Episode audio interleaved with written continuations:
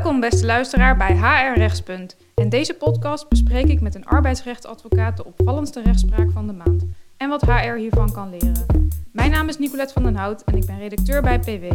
In deze eerste aflevering van 2024 heeft Pascal Willems, arbeidsrechtadvocaat bij WVO Advocaten, een zaak uitgekozen om te bespreken. Welkom Pascal, of eigenlijk moet ik zeggen, bedankt dat ik bij jou mocht komen. Want deze keer wordt de podcast opgenomen bij jullie op kantoor bij Landgoed Kasteel te Horst. Wat een mooie historische plek. Ja, het is hier uh, prachtig uh, werken. Ja, heerlijk uh, in de natuur en een mooie buitenplaats. Zelfs met een harnas zag ik. Ja, nou moet ik wel eerlijk bekennen dat dat niet een echte is natuurlijk, maar het hoort wel een beetje bij de, de omgeving en bij een kasteel. Hartstikke vet. Nou, vandaag bespreken we een recente uitspraak waarbij het draaide om de vraag of de werknemer de ziekte opzettelijk heeft veroorzaakt of niet. Vertel. Ja, het is een, een uitspraak die ik tegenkwam van de rechtbank Midden-Nederland. De zaak zelf is eigenlijk niet zo heel erg interessant, maar ik zal hem even kort schetsen en dan wil ik ingaan op inderdaad het opzettelijk veroorzaken van ziekte. Want dat is wel een heel interessant uh, juridisch onderwerp. Het ging om een medewerker die zich op 13 uh, oktober 2023 had ziek gemeld. En de werkgever heeft uh, per 16 oktober 2023 de loonbetaling stopgezet, omdat hij uh, nou ja, twijfelde aan de arbeidsongeschiktheid en of de medewerker uh, die ziekte opzettelijk had veroorzaakt. En uit de uitspraak blijkt dat de bedrijfsarts de medewerker heeft gezien, die is dus daar naartoe geweest. En de bedrijfsarts schrijft op 23 oktober en later ook op 24 november dat de medewerker ja, uitgevallen is voor zijn eigen werkzaamheden, de bedongen arbeid, dat er medische klachten zijn en medische beperkingen en dat die nog niet belastbaar is. De werkgever heeft dus de loonbetaling stopgezet, de uh, werknemer start een loonvorderingsprocedure en de werkgever beroept zich daarin op het standpunt dat de medewerker de ziekte opzettelijk heeft veroorzaakt. Um, de wet zit zo in elkaar dat als een medewerker op grond van ziekte of gebrek niet in staat is de bedongen arbeid volledig te verrichten, dat hij dan recht heeft op tenminste 70% van het laatst verdiende loon, noem ik het maar even, in ieder geval de eerste 52 weken. Die loondoorbetaalingsperiode is uh, in principe 104 weken, dat noemen we de wachttijd. Um, maar er zijn een aantal uitzonderingen op wanneer de medewerker die rechten niet heeft. En eentje daarvan is als de medewerker de ziekte door uh, opzettelijk heeft veroorzaakt. En daar deed deze werkgever een beroep op. En uh, wat dan interessant is, is dat je ziet in die uitspraak dat de kantonrechter eerst vaststelt van ja, is de medewerker wel ziek? Nou, op basis van de uitspraken van de bedrijfsarts kan hij dat vaststellen. En dan komt hij tot de vraag van ja, is dat beroep op het opzettelijk veroorzaakte van ziekte, is dat uh, wel terecht? En uh, dan zegt de kantonrechter in deze uitspraak het feit dat er een soort spanning is ontstaan uh, tussen werkgever en werknemer. En kennelijk zijn die spanningsklachten de reden geweest voor de ziekmelding. Maakt nog niet dat hij de ziekte opzettelijk heeft veroorzaakt. Dus dat er een, wat wij juristen noemen, een kausaal verband is tussen de handelswijze, het, het, wat hij heeft gedaan, en het ziek willen worden. En dus wordt die loonvordering wordt, toegewezen. Er wordt nog maximale wettelijke verhoging toegewezen. Dus uiteindelijk trekt deze werkgever aan het kortste eind. En dat is eigenlijk wat we wel vaak zien bij met name werkgevers die een beroep doen op het stoppen van de loondoorbetaling, omdat de ziekte opzettelijk is veroorzaakt. Het staat in de wet. Um, maar als je kijkt naar hoe daarover is gesproken in het parlement over de, bij de totstandkoming, dan is dat gek genoeg maar heel weinig. Er is vooral benoemd wanneer er geen sprake is van opzet. Bijvoorbeeld risicovolle sporten zijn uh, genoemd, zoals voetbal, zaalvoetbal, uh, skiën. En een twijfelgevalletje, grappig genoeg in de parlementaire geschiedenis, dat was kooivechten.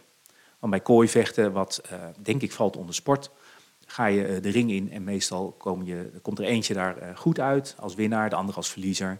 Maar kan je natuurlijk wel blessures en letsel oplopen. Daar twijfelde men over. Maar in de parlementaire geschiedenis staat eigenlijk niet wanneer er dan wel sprake is van opzet. En dus zijn rechters daar, ja, die zien wel dat de lat hoog ligt. Hè, er wordt niet snel aangenomen.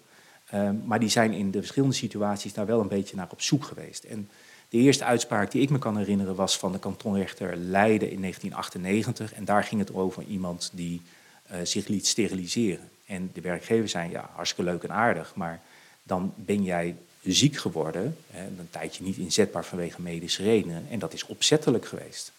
Daarvan zei de kantonrechter toen, vrij uh, kort door de bocht, De, op, de ziekte, uh, de opzet van het handelen, moet ik zeggen, is niet gericht op het ziek zijn, maar op het steriliseren. en dus valt dit niet onder het begrip opzettelijk veroorzaken van ziekte. Als je dat bedenkt, wanneer valt er dan wel iets onder, dan is dat best lastig. Want dan moet het ziek zijn eigenlijk het eindstation zijn. En dat, dat is bijna nooit. Hè. Bedenk maar eens een situatie wanneer ziek zijn iemand graag ziek wil zijn om ziek te zijn. Daar kan een andere reden achter zitten om niet een conflictgesprek aan te hoeven gaan. Of om iets anders te doen. Er is een situatie bekend waarbij een uh, tandarts, zei, ik geloof, zijn eigen vinger afknipte of afsneed. Maar dat was, en daar werd hij natuurlijk ziek door, arbeidsongeschikt. maar dat was bedoeld om verzekeringsuitkeringen te krijgen. Ander bekend geval uit de jurisprudentie is een medewerker die zijn uh, arm in een zaagmachine drukte. Um, dan ben je op zich denk ik al ziek. Maar dat was ook niet veroorzaakt uh, als opzet, omdat uh, de medewerker had andere klachten, psychische klachten. En die wilde van zijn probleem af. Maar het ziek zijn was een middel om bijvoorbeeld bij een behandelaar terecht te komen. Dus je ziet in de jurisprudentie dat rechters dat heel terughoudend uitleggen. Een enkele keer lukt het wel met succes. En er is eentje bekend waarbij een medewerker herhaaldelijk was gewaarschuwd dat hij na de werkzaamheden niet met alcohol achter het stuur moest gaan zitten. En op een gegeven moment dat toch deed, een auto-ongeluk veroorzaakte.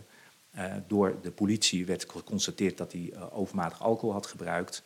Hij had letsel opgelopen, dus hij meldde zich ziek. En die werkgever zei van ja, dit, dit jongen, dit had je zo kunnen weten. We hebben zo vaak gewaarschuwd. Ehm, dit is opzet. En daarvan zei de kantonrechter toen, ja, dit valt inderdaad onder het begrip opzet. Daar kan je over twijfelen, want als die medewerker achteraf bleek uh, alcoholverslaafd te zijn, dan valt dit weer onder alcoholverslaving. Alcoholverslaving of verslaving in het algemeen is wel weer een, uh, een ziekte. Uh, ik denk het mooiste voorbeeld dat wel geslaagd is in de jurisprudentie was van de kantonrechter Heerlen in 2017.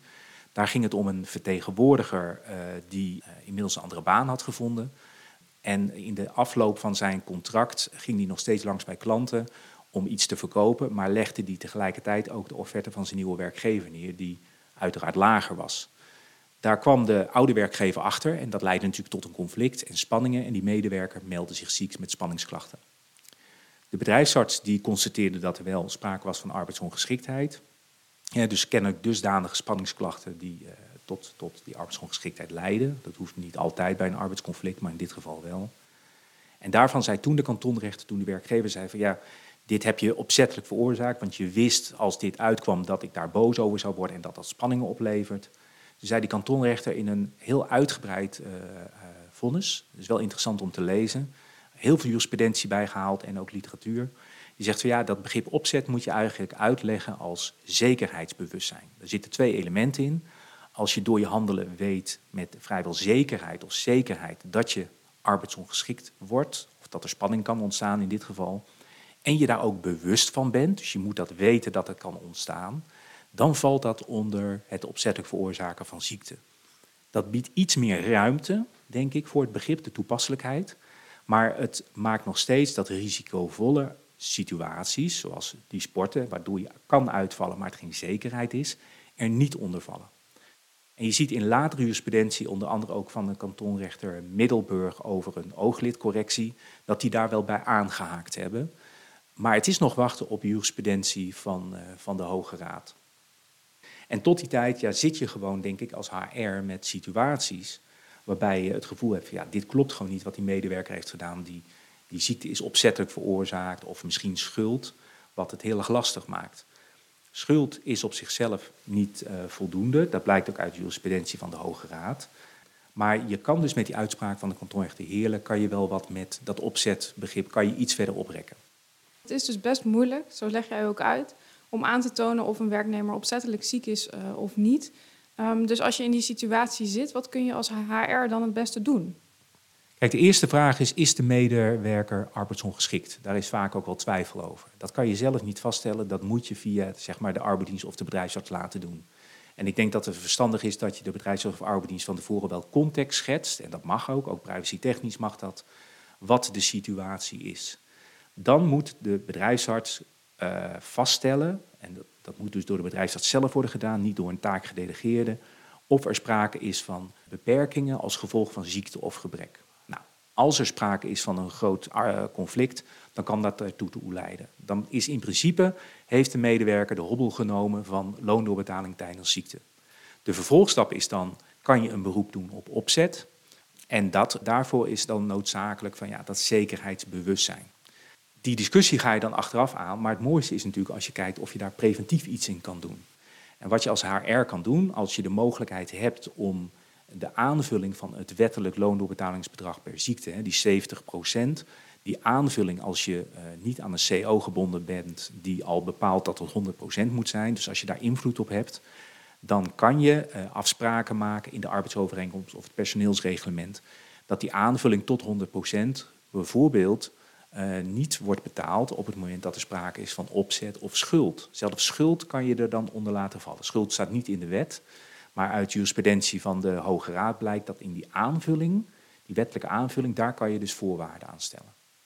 En een ander ding is gewoon bespreekbaar maken binnen een organisatie. Kijk, dit soort zaken komen relatief veel voor, maar weinig bij de rechter, omdat dat gewoon in goed onderling overleg wordt opgelost. En als er bijvoorbeeld sprake is van een niet medisch noodzakelijke cosmetische ingreep, uh, een ooglidcorrectie uh, om maar te noemen, dat heel veel medewerkers zelf zeggen van nou, daar neem ik gewoon vrij voor.